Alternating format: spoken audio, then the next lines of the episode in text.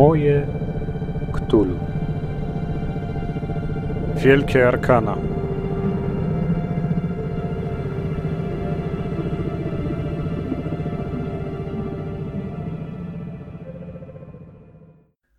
Cześć.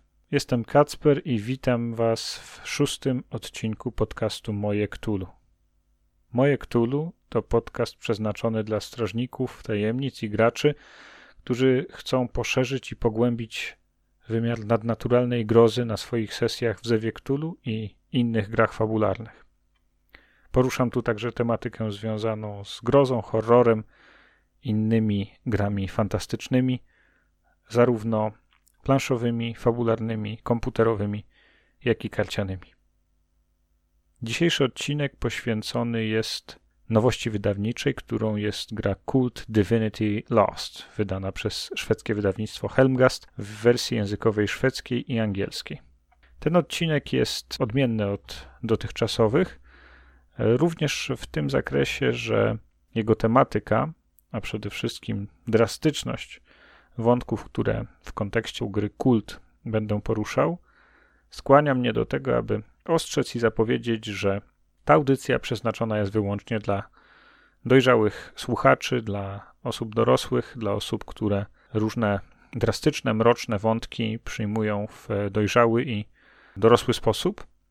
A to dlatego, że kult RPG to gra, w której takie zagadnienia jak przemoc fizyczna i psychiczna, w tym przemoc seksualna i gwałt, nadużycia zaufania, bluźnierstwa, wykorzystywanie dzieci, choroby psychiczne, okrutne traktowanie zwierząt, różne wątki związane z ciążą i porodem, narkotykami, samookaleczeniami i samobójstwem, śmiercią i, i, i krwią są powszechne, są ważnym elementem świata przedstawionego, są też e, wsparte na każdym poziomie mechanicznymi i fabularnymi rozwiązaniami.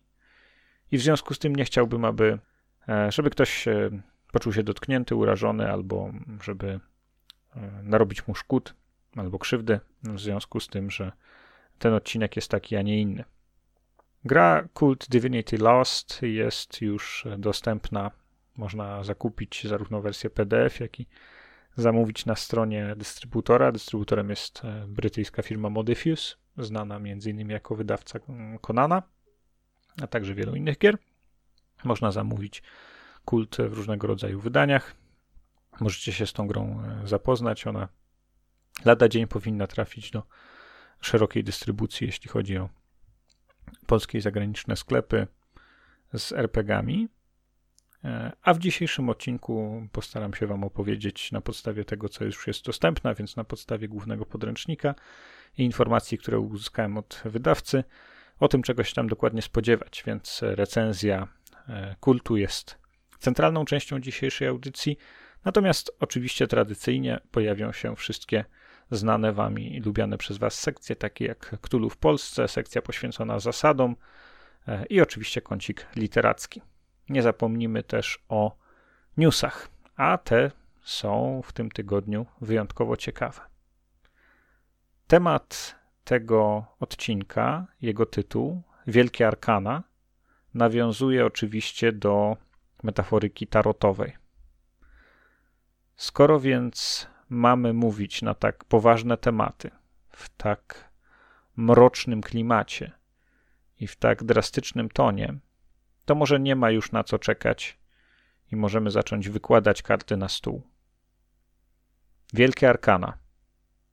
Zaczynamy. Newsy.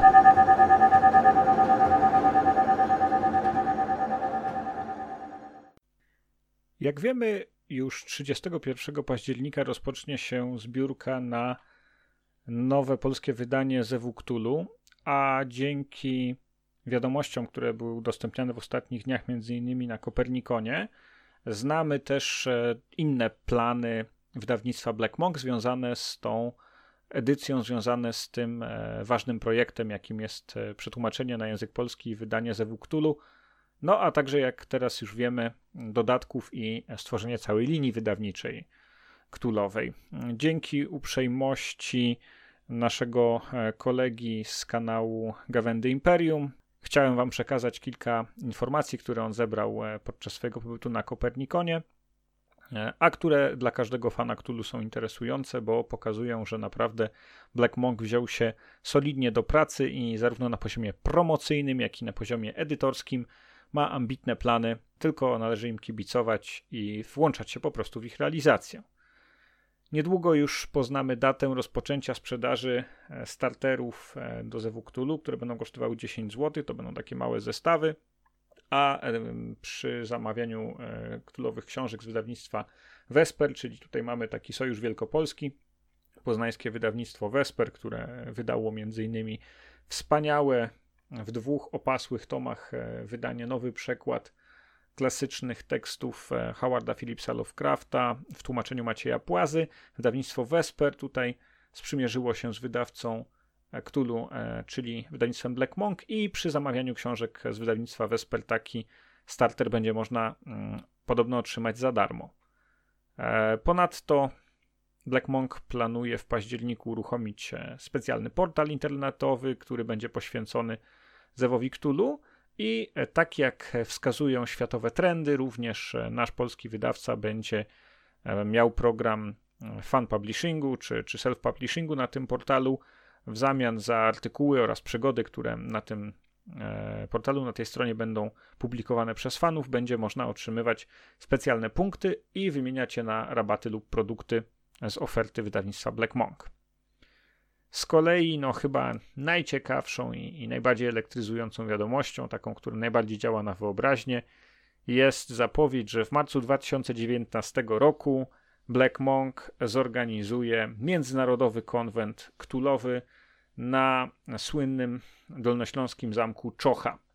Zamek Czocha możecie znać e, czy to jako turyści, czy jako fani fantastyki, bo tam między innymi Dziobak organizuje niektóre swoje larpy, a miłośnicy dziwnego, niezbyt dobrego kina mogą pamiętać je chociażby z filmów e, Mariusza Pujszo, czy z wielu różnych innych e, filmowych wydań, w których Zamek Czocha e, gra rolę dekoracji i niesamowitego miejsca, niesamowitego planu zdjęciowego. Jego architektura, jego klimat świetnie go do tego predestynuje. No i mamy wiadomość naprawdę fundamentalną, naprawdę bardzo ważną, to znaczy, że już trzy miesiące po wydaniu podręcznika głównego Black Monkowie mają zamiar opublikować pierwszą mm, kampanię do siódmej edycji, pierwszą kampanię w języku polskim do, do tego wydania Zewu Cthulhu. To jest świetna wiadomość, dlatego że jak wiemy od zawsze i to widać najwspanialej na przykładzie tego, jak długo linię wydawniczą Warhammera drugiej edycji kontynuuje Copernicus Corporation, żeby byli fanowie, to musi być e, wsparcie wydawnicze. Żeby było wsparcie wydawnicze, muszą być fanowie, i to jest po prostu jeden i drugi element nierozłączne ze sobą, żeby dana gra żyła. Jeżeli jest zainteresowanie, to trzeba po prostu tak biznesowo to prowadzić od strony wydawniczej, żeby się opłacało, żeby to miało sens wydawać kolejne dodatki tak długo, jak długo one się będą ukazywać, zainteresowanie grą będzie żywe. Poza tym e, mamy też informację o tym, że do polskiej edycji Zewu Cthulhu będą wydane limitowane kości. No, też należy się spodziewać, że tutaj po raz kolejny Wielkopolanie się sprzymierzą i że Tokyo Workshop będzie je wydawał. Tyle z e, wieści od Marka, z, z Gavend Imperium RPG. Swoją drogą polecam oczywiście ten kanał YouTube'owy, gdzie są sesje w różnych uniwersach, w różnych systemach, e, zarówno Warhammer, jak i Dark Heresy, no i też kampania szczecińska mm, do Zewu Cthulhu. Jeśli macie czas, jeśli macie chęć posłuchać e, tych nagrań sesji, to e, bardzo Was do tego zachęcam. Zresztą współpraca z Markiem trwa od pierwszego odcinka tego podcastu i, i bardzo ją sobie chwalę. Bardzo Cię serdecznie pozdrawiam i dziękuję za te informacje. Jakie newsy mamy poza tym? No, tradycyjnie oczywiście mam dla Was troszkę wieści z Kickstartera. Na Kickstarterze w tej chwili e, cały czas e, trwają zbiórki ktulowe, ciągle pojawiają się nowe rzeczy. Dwie zbiórki, które zasługują na wyróżnienie w tym tygodniu, to niewątpliwie zbiórki e, muzyczne. Mamy do czynienia z E, projektem muzycznym, który jest soundtrackiem do e, gry planszowej. Tak, to nie pomyłka. Mamy tutaj Dark Raven Games, e, studio, które przygotowuję i no, wygląda na to, że uda im się zebrać te środki, bo w, w, chwili nagrywania tego odcinka zostały im dwa dni i zebrali już 94%. Przygotowuję specjalną ścieżkę dźwiękową, która ma towarzyszyć e, osobom e, grającym w Cthulhu Wars, e, fanom planszówek, którzy, którzy tę grę lubią i, i w nią grają, jako fajny klimatyczny podkład muzyczny.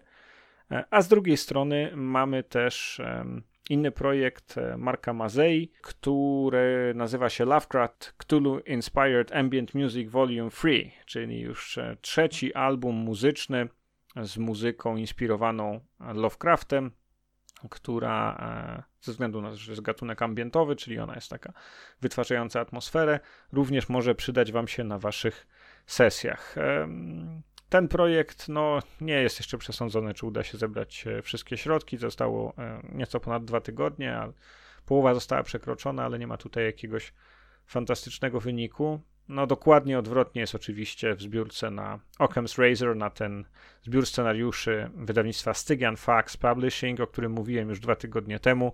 Tutaj cel został już przekroczony ponad dwukrotnie, a zostały jeszcze dwa tygodnie, także widać, że e, Stygian Fox e, swoim poprzednim wydaniem, czyli e, The Things We Left Behind, powiesił poprzeczkę na takim poziomie, że dzisiaj fani ufają i chętnie się na tę pozycję zrzucają.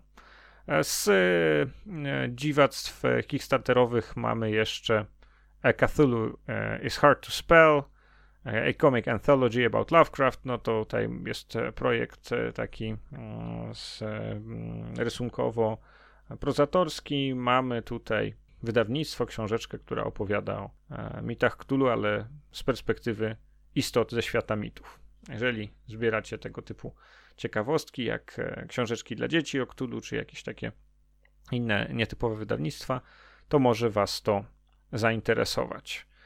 Co poza tym, e, Chaos Film ostatnio w newsletterze fajnie podsumowało różne działania różnych swoich e, licencjobiorców, także wiemy, że między innymi wyczekiwana od jakiegoś czasu już i, i, i zapowiadana edycja gry Cthulhu Chronicles na urządzenia mobilne ukazała się na Androidzie.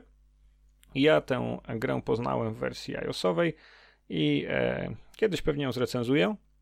Natomiast teraz ta, e, warto zaznaczyć, bezpłatna mm, w większości gra, to znaczy można spokojnie rozegrać wszystkie scenariusze, nie wydając nawet centa.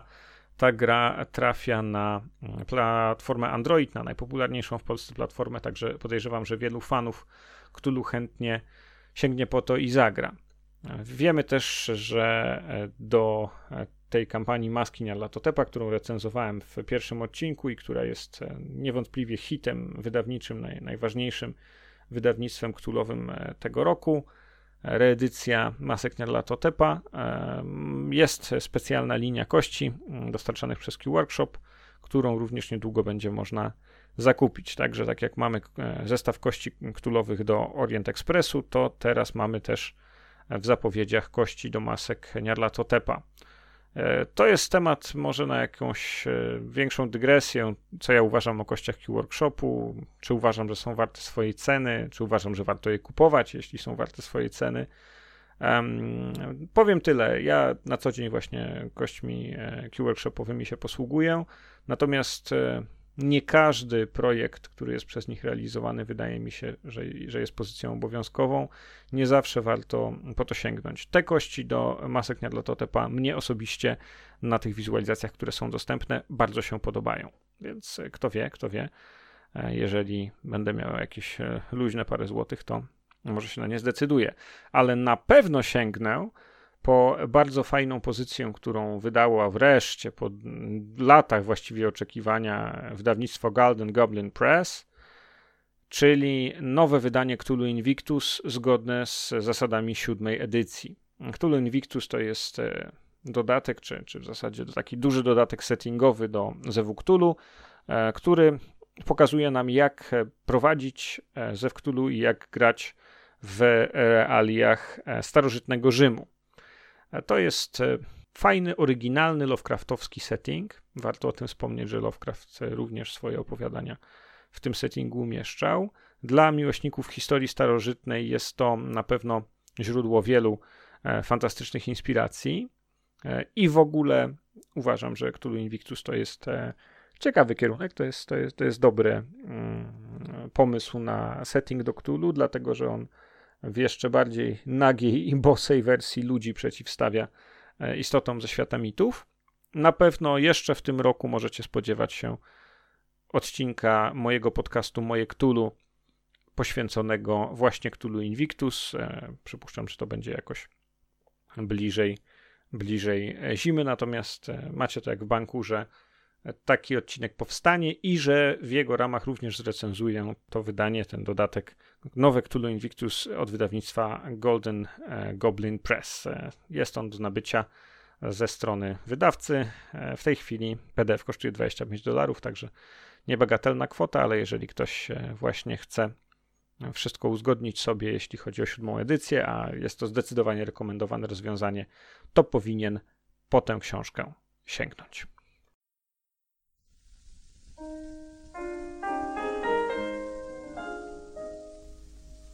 Cthulhu w Polsce.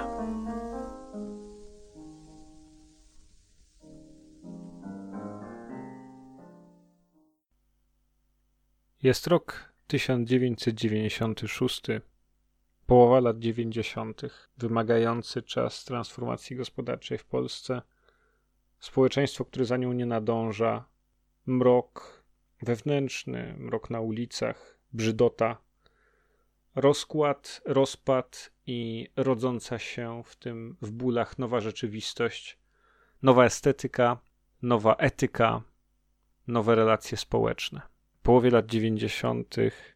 w czasie wykopalisk na terenie Huty Warszawa młody antropolog ze swoim zespołem odkrywają zakonserwowane w pokładach torfu ciało szamana. Człowieka, który wpadł w bagienną pułapkę 2,5 tysiąca lat temu i tak jak się w tym bagnie zanurzył, tak bardzo dobrze zmumifikowany, zakonserwowany przetrwał 25 wieków, aby znów ujrzeć światło dzienne w zupełnie innej rzeczywistości, zobaczyć ludzi, którzy podobni mu są już tylko na poziomie fizycznym. Te zczarniałe, zakonserwowane w torfie zwłoki trafiają do pracowni archeologicznej, do pracowni antropologicznej, gdzie ich powolna sekcja, ich rozbiór, analiza, zarówno anatomiczna z perspektywy morfologii, z perspektywy patologii, jak również analiza archeologiczna znalezionych przy nim artefaktów, jego ubrań, jego sprzętów, jego kieszeni, tego, co, co jest ich zawartością, prowadzi w stronę niesamowitych wniosków. W tym samym czasie młody archeolog, odkrywca tego skarbu, tego niewątpliwego, przełomowego odkrycia w skali Polski, jeśli chodzi o, o prahistorię ziem polskich, przeżywa trudne chwile. Jego brat, ksiądz, autuje się jako homoseksualista i postanawia zerwać ze swoim dotychczasowym życiem. Odnajmuje również e, wynajmowany wcześniej pokój w śródmieściu. Przypadkiem tego samego dnia nasz bohater, młody antropolog, wpada na dziwną dziewczynę. Spotyka na ulicy osobę, która zainteresowana wynajmem tego mieszkania. Ogląda mieszkanie, kiedy podejmuje decyzję o jego wynajęciu. To coś zaskakuje, następuje jakiś szokowy moment, zwierzęce przyciąganie i między tą dwójką nawiązuje się mroczny, brutalny, pełen histerycznych emocji romans. To początek końca kariery tego antropologa, to początek spirali w dół równi pochyłej, po której będzie się staczał, ale też początek drogi niesamowitego oświecenia. Tę drogę opowiada film Andrzeja Żuławskiego Szamanka. Film, który kiedy wszedł na ekrany w 1996 roku był skandalem i zdecydowanie wydarzeniem no, porażającym jak na ówczesne czasy, zarówno jeśli chodzi o świat kultury, świat kinematografii, jak i po prostu o, o ówczesny krajobraz społeczny. Szamanka, film Żuławskiego, wyprodukowany w koprodukcji polsko-francusko-szwajcarskiej na podstawie scenariusza Manueli Gretkowskiej, to film, na który Polacy nie byli wtedy zupełnie przygotowani. Nasza publiczność nie spodziewała się czegoś tak szokującego, nie spodziewała się tak silnych wrażeń, tak e, mocno nasyconego mrocznym, perwersyjnym seksem filmu i w szczególności nie spodziewała się połączenia tak wielu wątków, wątków religijnych, wątków okultystycznych, wątków e, seksualnych, wątków społecznych, pewnego rodzaju komentarza do, do transformacji w Polsce opowiedzianego tak niesamowitymi, drastycznymi na owe czasy środkami. Księża w prowincjonalnych kinach blokowali wejścia do sal, nie pozwalając widowni na zapełnienie się, starając się zerwać te seanse w miastach. E, kolejki ustawiały się, aby obejrzeć ten film dozwolony od lat 18 i w efekcie widziały go mm, dziesiątki, setki tysięcy widzów. Ich wrażenia raczej jednoznacznie negatywne. Opinia prasy, opinia recenzentów, że to film niezrozumiały, epatujący brutalnym i perwersyjnym seksem, nie mający wiele do opowiedzenia o dziwacznej poetyce. Niby tego należało się spodziewać po Żuławskim, ale jednak recenzenci nie zostawiają na filmie suchej nitki. Trudno jest w prasie z ówczesnego okresu doszukać się jakichś w ogóle pozytywnych wrażeń wyniesionych z tego filmu. Film jest uznany za dziwaczny, e, niepotrzebnie brutalny, zupełnie nie pasujący do e, oczekiwań widowni i krytyków. No ale minęły 22 lata i dziś, kiedy oglądamy szamankę, a ja przypomniałem sobie ten film chcąc przygotować się do audycji poświęconej kultowi, bo, bo czułem i, i nie pomyliłem się, że to jest chyba najlepszy polski film, jeśli szukamy jakiegoś e, odpowiednika, jakiejś korespondencji, jakiejś inspiracji do e, świata wyobraźni gry RPG Kult, to że szamanka będzie, będzie najlepszym wyborem. Co dzieje się na ekranie? Jaka jest fabuła? Ta dziewczyna, mm, nie znamy jej imienia, o pseudonimie Włoszka, grana przez Iwonę Petry. Warto wspomnieć, że jest to w zasadzie jedna z dwóch czy trzech ról tej, tej aktorki, która wdarła się na ekran i do wyobraźni e, widzów e, polskich i, i, europejskich właśnie rolą w tym filmie, ale później już e, nigdy nie wróciła w dużych rolach. Tutaj na pewno pewien wpływ na to miał e, sposób e, pracy Żuławskiego, który był dla niej podobno bardzo wyczerpujący i, był traumatycznym przeżyciem.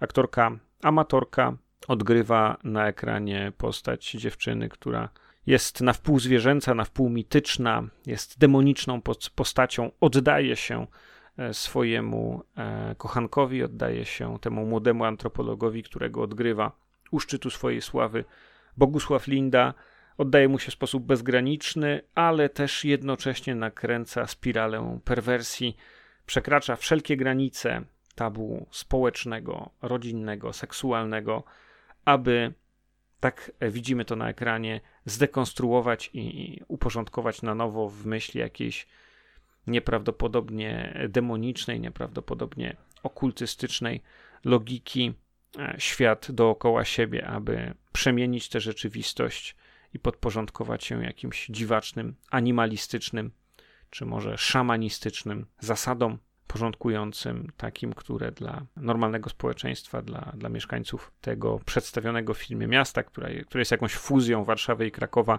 są absolutnie nie do przyjęcia ten nowy puls rzeczywistości, dyktowany przez frenetyczny, transgresywny seks na ekranie, to jest rytm, można śmiało powiedzieć, całkowitego zatracenia w seksualnej konsumpcji i w konsumpcji w ogóle.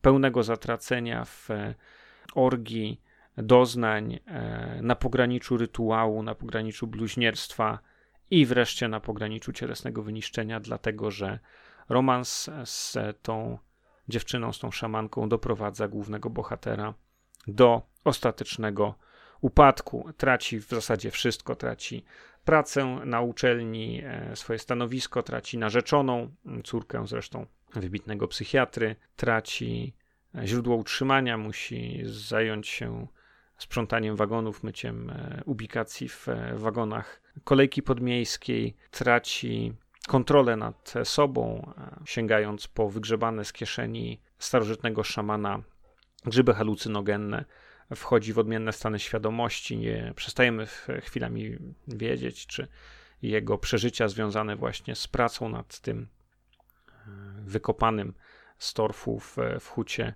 szamanem to są e, jakieś wytwory jego wyobraźni, czy rzeczywiście on nawiązuje jakąś komunikację z tym starożytnym kapłanem. Doznaje pewnego rodzaju oświecenia, pewnych wglądów e, w naturę rzeczywistości, przerażających, e, mrożących krew w żyłach, inspirowanych mm, tym niesamowitym, transgresywnym romansem, ale z drugiej strony też e, zmierza w kierunku zatracenia, i tak też kończy się ten film w ostatniej scenie.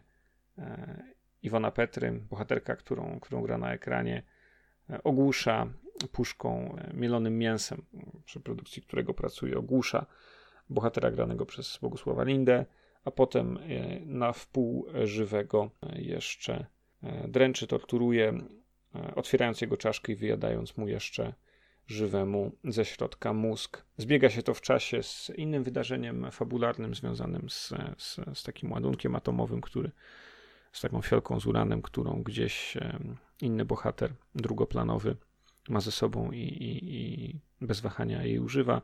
I mamy na końcu prawdziwy klimaks, prawdziwy szczyt. Z jednej strony rytualny mord, szamankę powtarzającą jakiś starożytny, niezrozumiały, kanibalistyczny, obrzydliwy gest, posilającą się mózgiem swojego kochanka, z drugiej strony tę eksplozję atomową gdzieś na jakimś brudnym podwórku powiślańskim.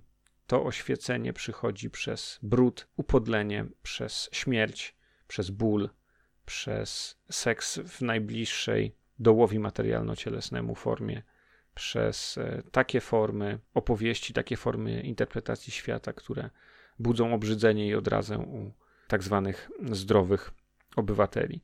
Ten ostatni gest e, szamanki jest klamrą zamykającą ponad wiekami historię wyjątkowego, historię kapłana, historię szamana, odmieńca, Otóż e, wykopany z e, starożytnego pokładu torfu szaman z Huty, czyli ten bohater spoza wieków, który, który pojawia się w filmie, również ma e, pod skórzanym czepcem ukrywającym jego głowę usuniętą część czaszki i wyjedzone ze środka mózgi.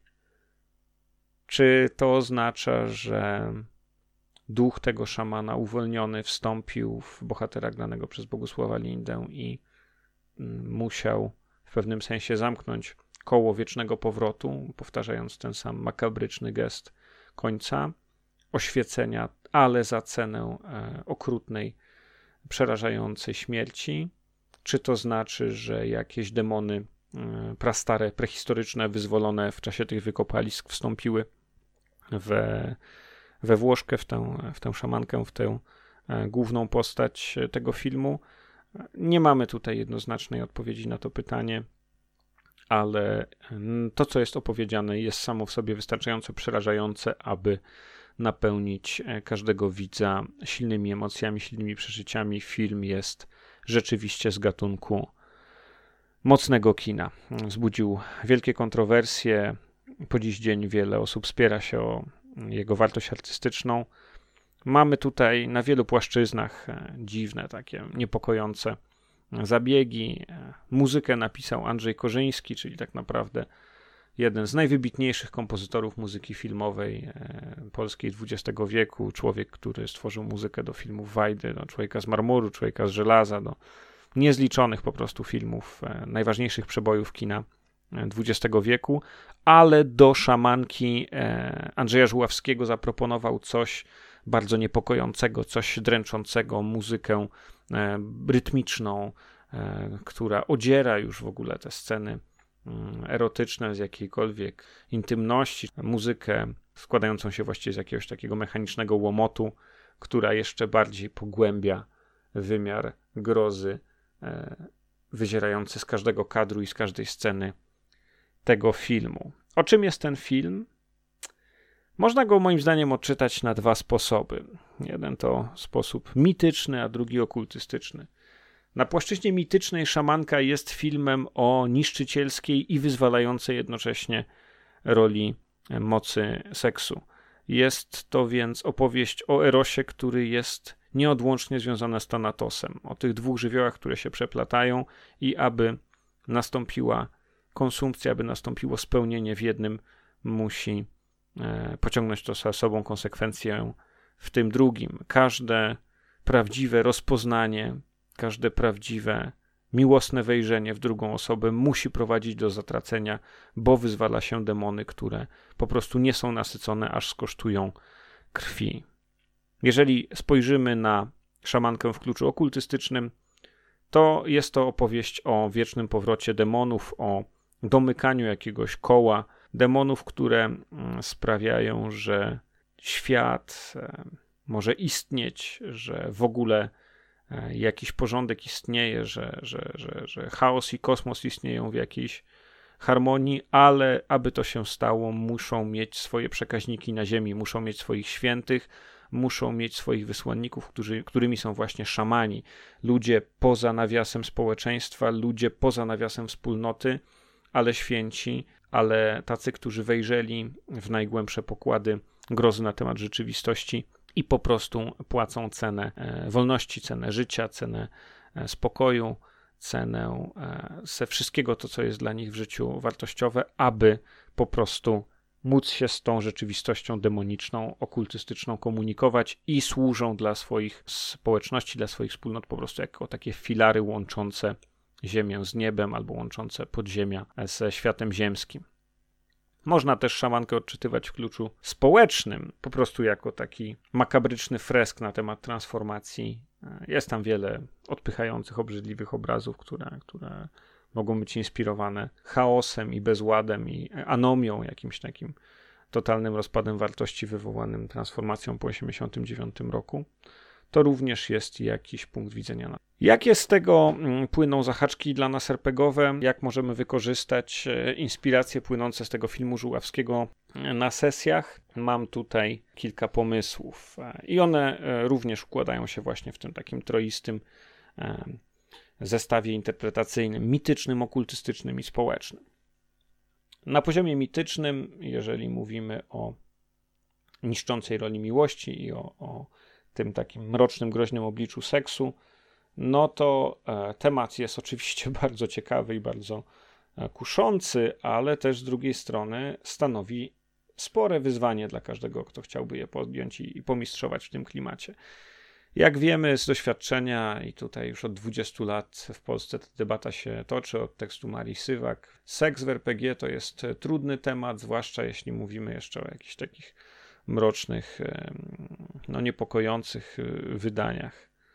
Jak to zrobić e, w sensowny sposób, jak e, zaprojektować w przygodzie i jak e, rozegrać z graczami tego typu tematy, no wymaga to na pewno dużo taktu, wymaga to dużo komunikacji z graczami, uzgodnienia jakiegoś wspólnego poziomu, na którym chcemy się poruszać, tak żeby to była dobra zabawa, żeby to było inspirujące, żeby to było może wstrząsające, jeśli tego chcemy, przerażające, ale, ale w granicach tego, mm, z czym się chcemy liczyć. Całkiem ciekawą propozycję w tym zakresie możecie znaleźć w bibliotece plików facebookowej grupy RPGowe Piekiełko. Tam jest taki bardzo fajny dokument, bardzo fajny tekst opisujący to, jak można na sesjach RPGowych te wątki erotyczne, seksualne rozgrywać, no tylko, że tam to jest tak literacko, tak bardzo subtelnie, z odpowiednim nawiasem narracyjnym potraktowane, a tutaj jednak mówimy po prostu o pewnej brutalności i dosłowności w filmie Żuławskiego. Jeśli go chcecie obejrzeć, jest na przykład na CDA, oczywiście też dostępny na DVD, no to e, już te zasady jakiegoś takiego, powiedziałbym, narracyjnego nawiasu, jakichś takich ram omówienia tych, tych scen e, brutalnych, e, seksualnych, nie zdadzą egzaminu. Mm, jest to zadanie dla dojrzałych ludzi, którzy lubują się w tego typu klimatach i, i są w stanie podjąć je. Jeżeli podejmujecie to, to róbcie to odpowiedzialnie, dlatego że tutaj naprawdę można wiele osiągnąć na sesji, ale też można dużo stracić, jeżeli zrobi się to w sposób niezręczny, bo to się wszystko osunie w jakiś rechot, albo z drugiej strony po prostu możecie komuś, komuś zrobić krzywdę, kogoś, kogoś urazić. Jak z tym wątkiem okultystycznym? Na osobne, szerokie omówienie zasługuje w ogóle kwestia szamanizmu, pozycji szamana w społeczeństwie, guślarza czy, czy kapłana. E, powiem tylko tyle, że w zasadzie scenariusz Gretkowskiej do filmu e, Szamanka to jest gotowy scenariusz, jeśli chodzi o, pewną strukturę fabularną do, do Zewu czy do kultu. No mamy tutaj bardzo charakterystyczną ekspozycję. Wykopaliska, znalezisko, które zadziwia, które wychodzi poza ramy tego, mm, co wiemy o historii, które w jakiś sposób rzuca wyzwanie na naszej dotychczasowej wiedzy i później konsekwencje jakichś mocy, które zostały wyzwolone. Jeżeli szukacie mm, takiego pomysłu, no to e, wizualne krajobrazy filmu Żuławskiego, gdzie mamy z jednej strony właśnie e, sale mm, sekcyjne, sale, gdzie dokonuje się analizy tego mm, trupa, a z drugiej strony e, fantastyczne ujęcia, fantastyczne sceny całe w tej hucie mogą być źródłem wielkiej wizualnej inspiracji. Natomiast jeśli chodzi o ten wymiar społeczny, no to powiem tyle. Jeżeli ktoś chce prowadzić Cthulhu w latach 90., no to e, ten film jest zdecydowanie lekturą obowiązkową, żeby zobaczyć, przypomnieć sobie trochę, jak ta ulica wtedy wyglądała, jeszcze przefiltrowana przez wrażliwość artystyczną Żuławskiego, jak wyglądała ulica, jak wyglądali ludzie, jak wygląda mm, prowincja, jak wygląda miasto, jak wygląda e, uczelnia, jak wygląda przyjęcie towarzyskie, jak to wszystko po prostu w jakimś takim dziwacznym, okresie przejściowym, w tym okresie transformacyjnym, o, o, dziwnej estetyce, gdzie wszystko jest takie jakieś niedopieczone, z drugiej strony. Ludzie w tym funkcjonują, ale dzisiaj jak na to patrzymy, to jest to jakaś po prostu taka bieda, jakieś takie ubóstwo, totalne formy, jakaś taka trochę tandeta, trochę brud, um, gdzie stare formy jeszcze nie rozpadły się zupełnie, nie przegniły do, do cna, a nowe jeszcze się na tym nie narodziły, nie narosła nowa warstwa, e, nie ma jeszcze tej nowej stratygrafii, e, no, pełnej nowoczesności XXI wieku. Zdecydowanie szamanka jest e, lekturą obowiązkową. No a dla osób, które chcą prowadzić kult RPG w polskich klimatach, to również dostarczy bardzo wielu wrażeń. Podsumowując, film, który pomimo złej sławy, pomimo tych e, negatywnych skojarzeń, pomimo wielu e, złych recenzji i słów, które na jego temat opowiedziano, e, można wpisać sobie na listę i zaplanować jego obejrzenie, dlatego że jest silnym źródłem inspiracji, jest naprawdę ciekawym obrazem, wyzwaniem rzuconym estetyce polskiego kina tamtych czasów, które jednak no, zapatrzone we wzorce amerykańskie to niekoniecznie jakieś takie bardzo dobre nie podejmowało w autorski sposób, nie, podejmowało, nie podejmowało w e, odważny sposób takich mrocznych wątków gdzieś z pogranicza właśnie okultyzmu, demonologii, mitu, e, filmu. No, nie nazwałbym tego thrillerem erotycznym, to jest właściwie horror erotyczny. Mm, jest to film w tym kontekście absolutnie wyjątkowy.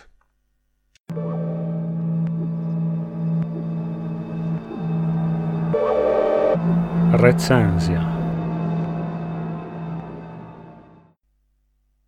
Był rok może 96, może 97, kiedy na szkolnym korytarzu w rękach mojego bardzo dobrego kolegi, wieloletniego przyjaciela Damiana, zobaczyłem nową karciankę, nową grę, którą widziałem, może wcześniej przemknęła mi na łamach magii i miecza w ówczesnych czasach, ale była raczej takim zakazanym owocem, raczej e, obiektem ciekawości z gatunku mrocznych nie miałem jej wcześniej w rękach, zobaczyłem, że on ma talię do kultu. Kult e, wówczas w Polsce funkcjonował właśnie głównie jako ta gra karciana, jako karcianka kolekcjonerska i tak narobił trochę złej reputacji, narobił trochę dymu wokół wydawnictwa MAG, które zdecydowało się na spolszczenie tej gry. Wtedy w Polsce lat 90. te wątki dekadenckie takie zepsute, mroczne, realizowały raczej gry Świata Mroku, Vampir Maskarada, Wilkołak, Apokalipsa. Ten dekadencki nastrój końca wieku udzielał się również nam w naszej wyobraźni nastoletniej, w naszych scenariuszach RPGowych.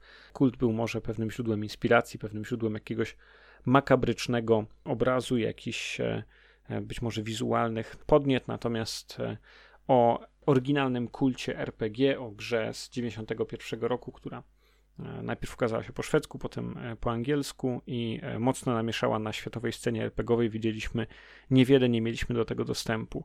A teraz, dwa lata temu, na Kickstarterze oto wydawnictwo Helmgast, szwedzki dom zajmujący się wydawaniem głównie RPGów, prezentuje kampanię, zbiórkę, nowe wydanie z Kickstartera Kult Divinity Lost, Bóstwo Utracone. Czyli mamy po 25 latach powrót do tego, co kult oferował i do tej grupy, ukłon w stronę tej grupy, która lubi właśnie takie najmroczniejsze, najbardziej niepokojące, najbardziej drastyczne tematy wprowadzać w swoje światy wyobraźni na swoich sesjach. Kult Divinity Lost e, ukazuje się właśnie teraz, kiedy nagrywam te słowa. Jesteśmy dosłownie kilka dni od wejścia fizycznych podręczników do sklepów internetowych i do, do sklepów e, fanowskich. Od połowy lipca ci, którzy poparli projekt na Kickstarterze, mogą już zapoznawać się z docelową wersją podręcznika. E, beta była opublikowana znowu kilka miesięcy temu, ale już e, wszystko wskazywało na to, że nawet i tego nie uda się osiągnąć, bo projekt e, rozwijał się słabo przez pierwszych kilka miesięcy, właściwie przez pierwszy rok od zamknięcia zbiórki, która zebrała kolosalną kwotę. Zresztą nie była to zbiórka wcale tania. Działo się najpierw niewiele, były jakieś takie ruchy, w sumie trudno było powiedzieć, czy to jest jakieś markowanie, czy tam rzeczywiście coś się dzieje.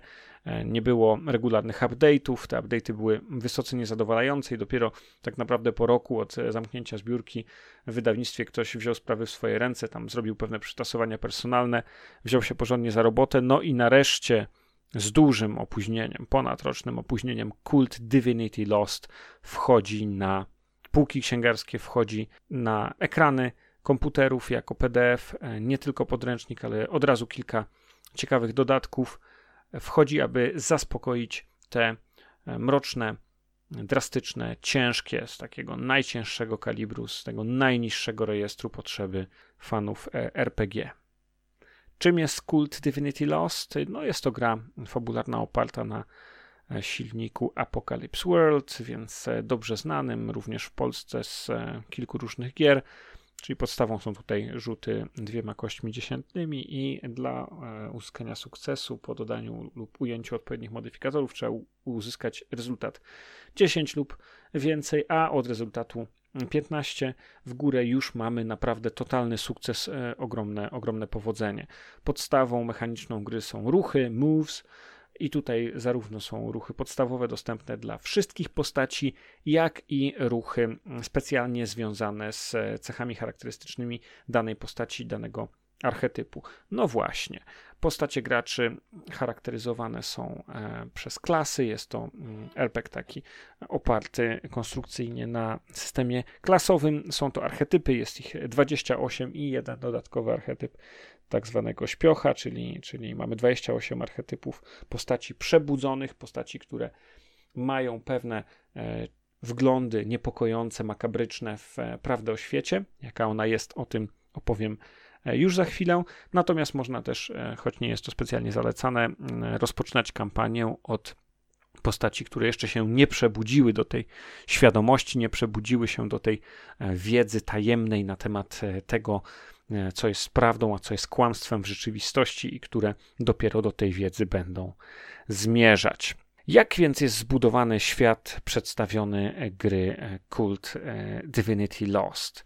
Mamy tutaj mit czy opowieść tak starą jak ludzkość, opowiedzianą w, znów w ciekawy, zajmujący i intrygujący sposób.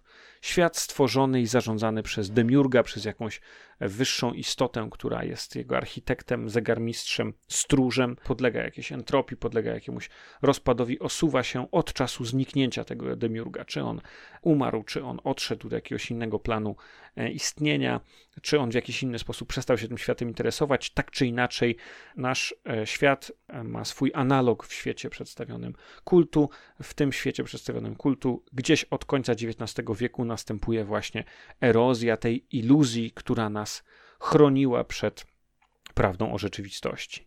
I za tej iluzji, za tej prującej się, pękającej zasłony wyzierają coraz to bardziej makabryczne, coraz to bardziej przerażające widoki innych światów, które współistnieją z naszym, a ta klatka kłamstwa, w której e, egzystuje ludzkość, e, trzęsie się w posadach i widzimy mm, właśnie takie przerażające wglądy w, w, te, w te równoległe rzeczywistości. Jaka jest e, ta prawda skrywana przez, e, przez iluzję? E, prawda jest taka, że gdzieś u początku swojego istnienia gatunek ludzki był gatunek o randze i zdolnościach boskich, uwięziony później przez demiurga, ograniczony, ludzie ograniczeni, ludzie mają po prostu nałożone takie kagańce duchowo-magiczne, które uniemożliwiają nam e, jako gatunkowi rozwinięcie pełni naszych możliwości, sprowadzone do roli niewolników, sprowadzone do roli sług, różnego rodzaju innych wyższych istot, takich można powiedzieć aniołów i mrocznych aniołów. Demiurg miał do swojej pomocy archontów, e, ich z kolei rewersem, ich, ich mrocznymi odpowiednikami są mroczne anioły służące Astarot, czyli temu właśnie złemu rewersowi Demiurga.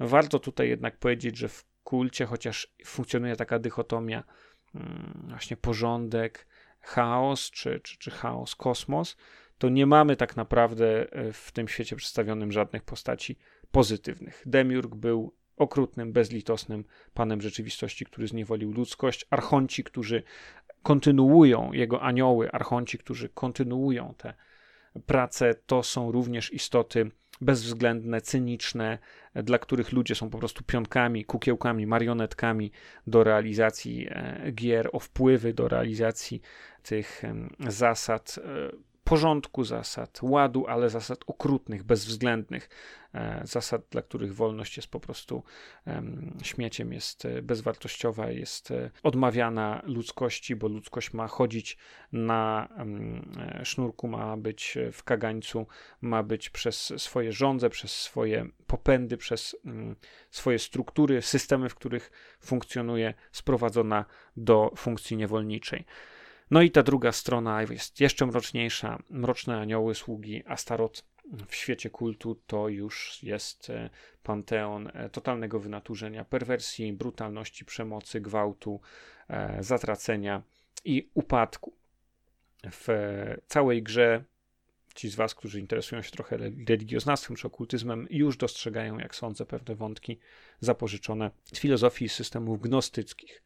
Na to jeszcze mamy nałożoną e, warstwę kabalistyczną, czyli odniesienie do mistyki żydowskiej i do, do wiedzy tajemnej e, żydowskiej, choćby już nawet i w e, głównym elemencie graficznym, takim key visualu tej gry, którym jest kabalistyczne drzewo życia. I to kabalistyczne drzewo życia w kulcie jest taki charakterystyczny diagram składający się z, z węzłów połączonych liniami, jest obrazem porządku czy hierarchii archontów i hierarchii mrocznych aniołów, a więc tych struktur, które nam ustawiają rzeczywistość tej okrutnej prawdy o świecie, która na co dzień jest przed nami ukryta właśnie przez iluzję. Klimat e, gry buduje e, szereg elementów, które poznajemy w lekturze tego podręcznika liczącego blisko 400 stron. Już sam sposób tworzenia bohaterów i mechanika gry indywidualnej, mechanika E, gry z perspektywy graczy i bohaterów graczy podkreśla mroczny, e, przerażający wymiar tej gry. Kult jest grą indywidualnego strachu, indywidualnej grozy. To nie jest gra o gumowych potworach, to nie jest gra o ganianiu się z potworami, e, nie wiem, w samolotach, czy, czy o jakimś tam ratowaniu świata. Ten świat nie jest do uratowania. Jeżeli cokolwiek jest do uratowania, to mm, być może indywidualna wolność, zasady, którymi chcemy być wierni, ale tutaj nie ma dobrego zakończenia.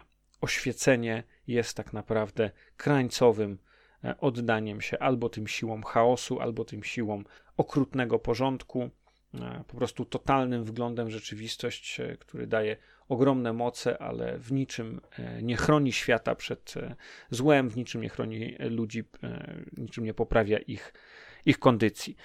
No i jak to wygląda z perspektywy właśnie mechaniki indywidualnej? W kulcie mamy ciekawą zasadę, ciekawą strukturę, która się nazywa Dramatic Hooks, czyli takie E, haczyki dramatyczne, a więc każdy gracz na każdą e, przygodę i na każdą sesję gry ma listę swego rodzaju wyzwań, takich e, trudnych e, rzeczy, które ma jego postać przeprowadzić, czy przyznać się do jakichś grzechów, czy e, w jakiś sposób wyrazić swoje mm, mroczne tajemnice, czy, czy dać upust jakimś swoim popędom czy rządzom, co ma na celu narzucenie już graczom takiego rytmu gry dyktowanego po pierwsze przez bardzo niepokojącą, przesyconą mrocznymi wątkami fabułę, z drugiej strony przez imperatyw tego, że oni mają indywidualnie napędzać jeszcze tę fabułę swoimi rozmyślnie dramatycznymi czy tragicznymi wręcz wyborami.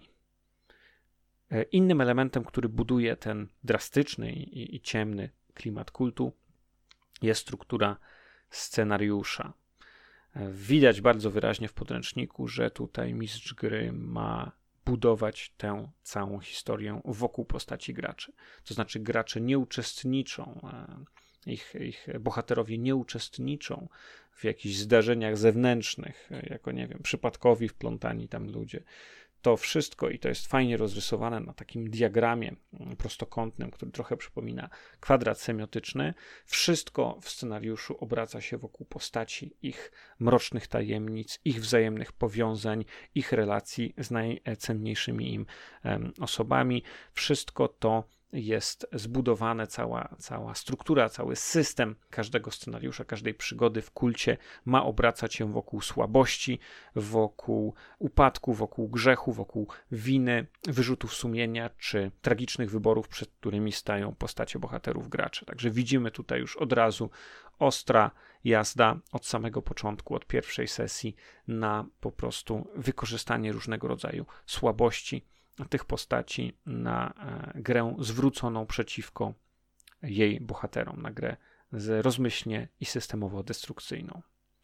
No i ten trzeci, najsłynniejszy dla kultu element e, budujący klimat, no to jest właśnie nastrój wyzierający właściwie z każdej strony tego nowego wydania. To jest świat mroczniejszy niż świat mroku, to jest e, świat mroczniejszy niż świat mm, gier Lovecraftowskich. Pomagają w tym zdecydowanie ilustracje. Mamy tutaj warto wspomnieć na łamach tej książki wiele polskich akcentów, a to przede wszystkim za, za pośrednictwem rysunków, które wykonał e, Marcin Tomalak, polski artysta, ilustrator.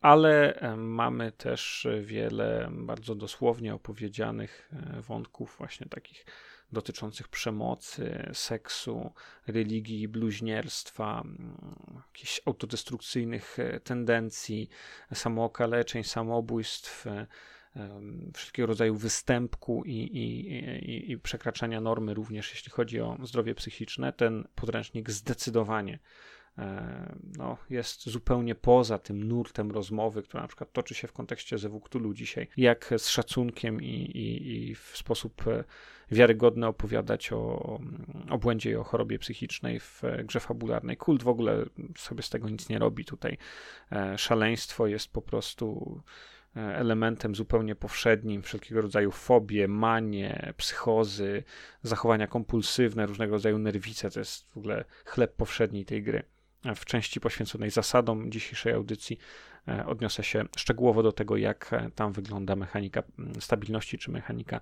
poczytalności. No i e, żeby wam to opowiedzieć w taki obrazowy sposób, to chyba mógłbym się posłużyć takim porównaniem, że jeżeli powiedzmy przygoda w Zewie Cthulhu byłaby o tym, że w jakimś małym miasteczku jest kult złego boga albo jakiejś istoty ze świata mitów, to podobna przygoda rozgrywana w świecie mroku, wampirze, wilkołaku, magu. E, byłaby o tym, że ten zły Bóg jest pewnego rodzaju, pewnego rodzaju manipulacją, za którą stoi, nie wiem, wampir, mag, e, jakiś e, manipulator o nadnaturalnych umiejętnościach.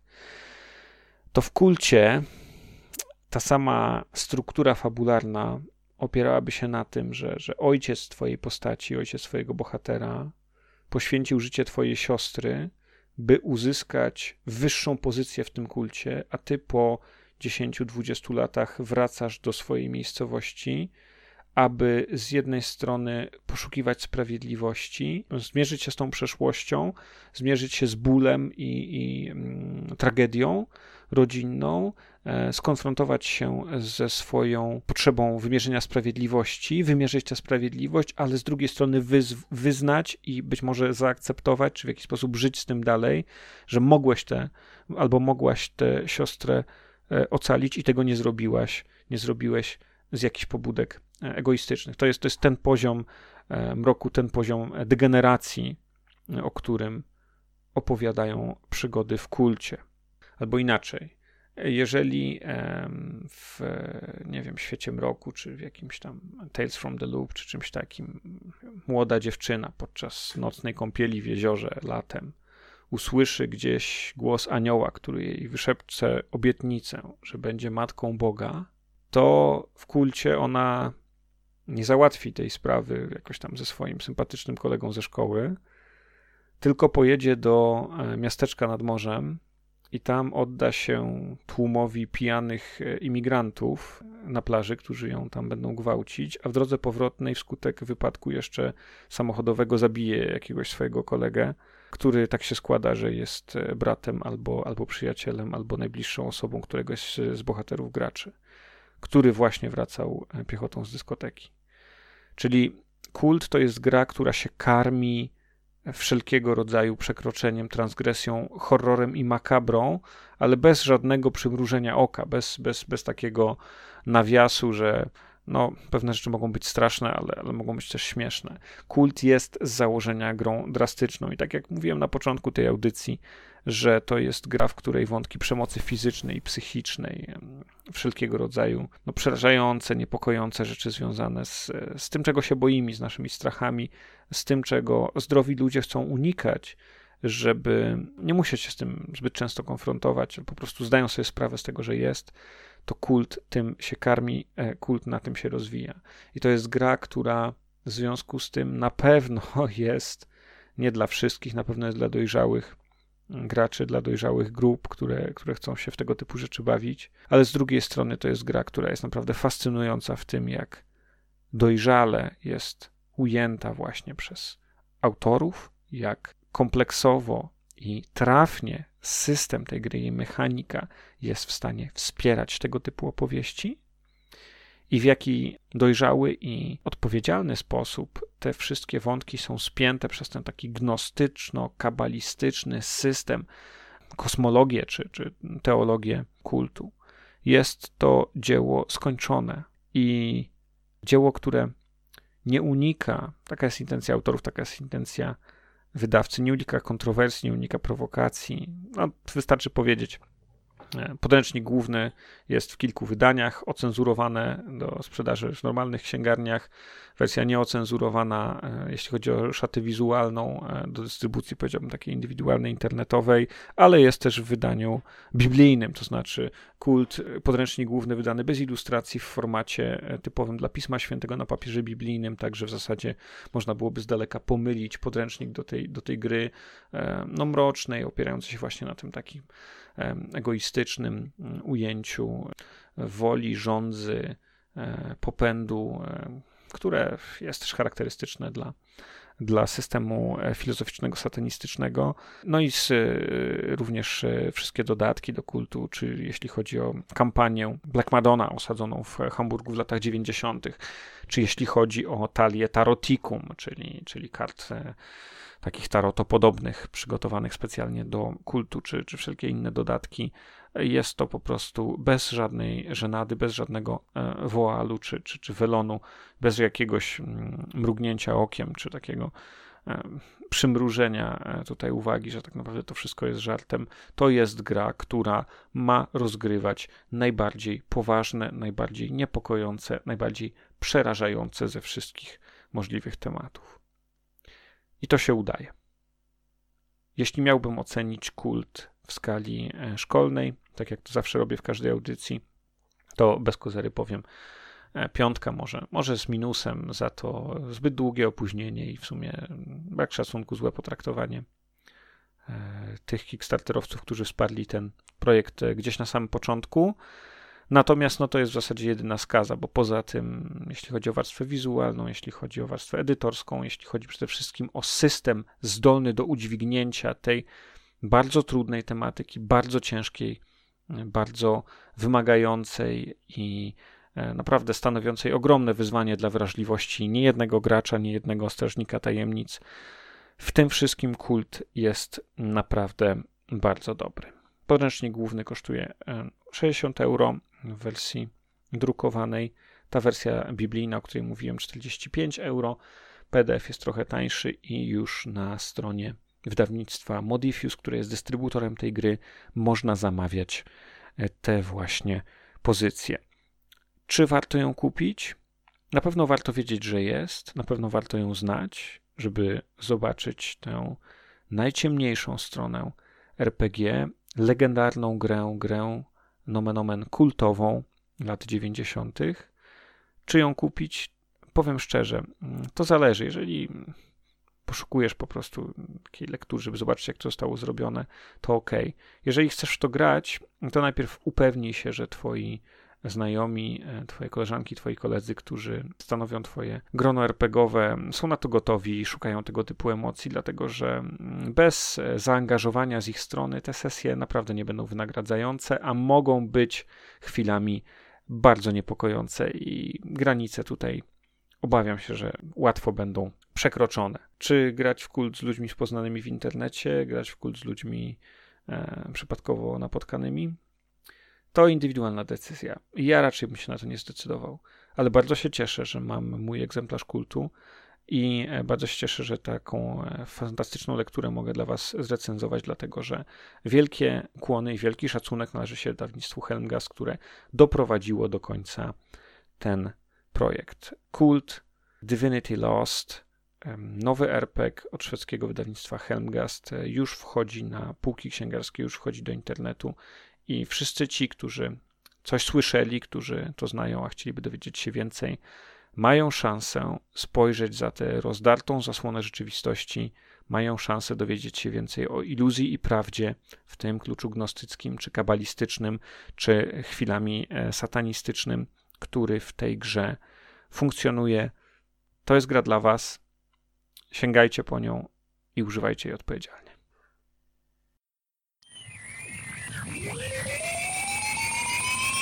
Zasady.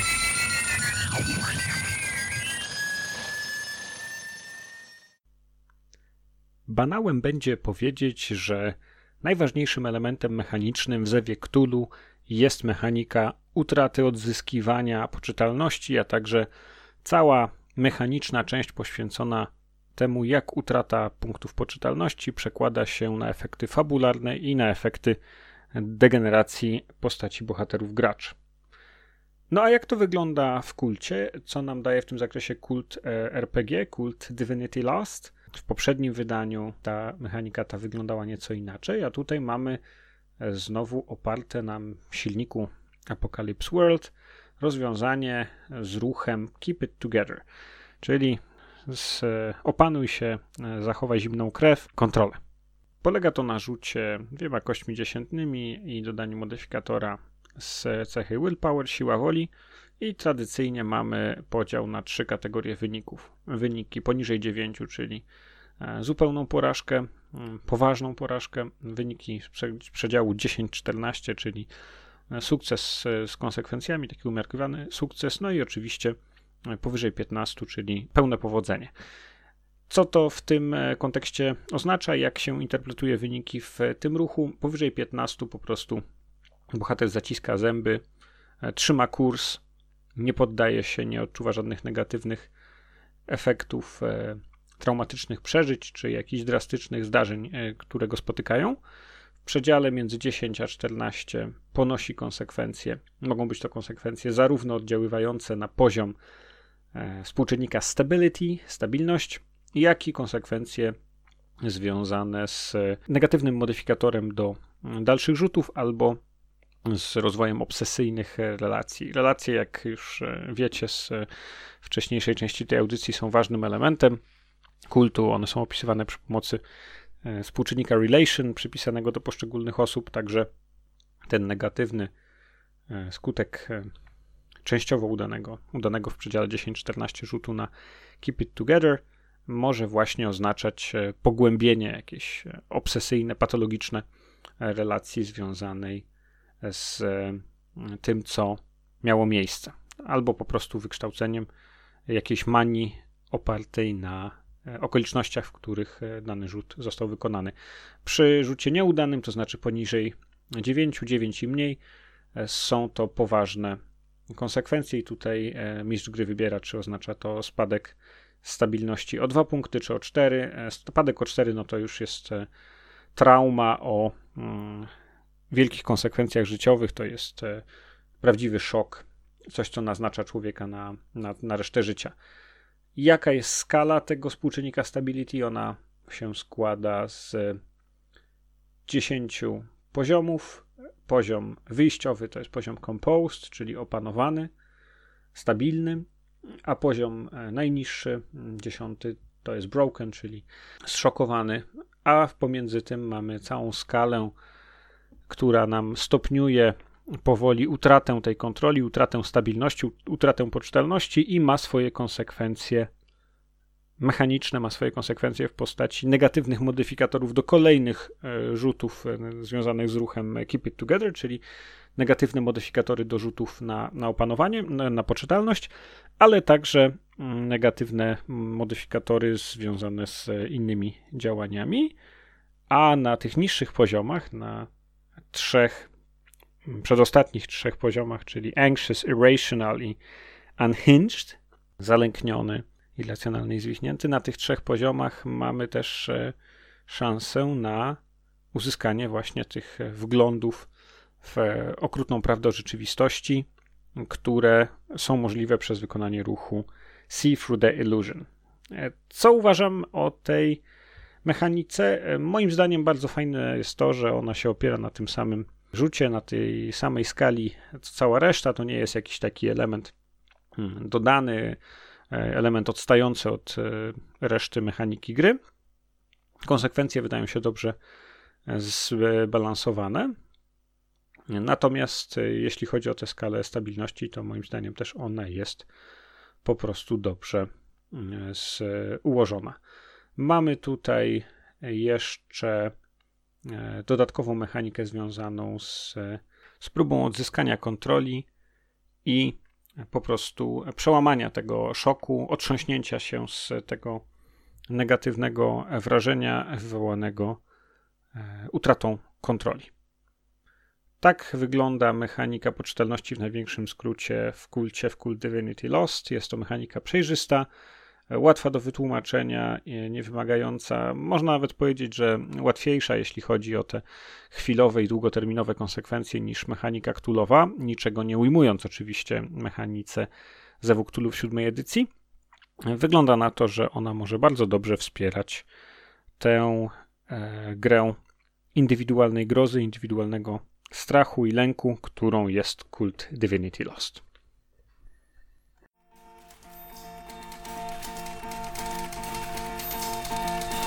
Biblioteka.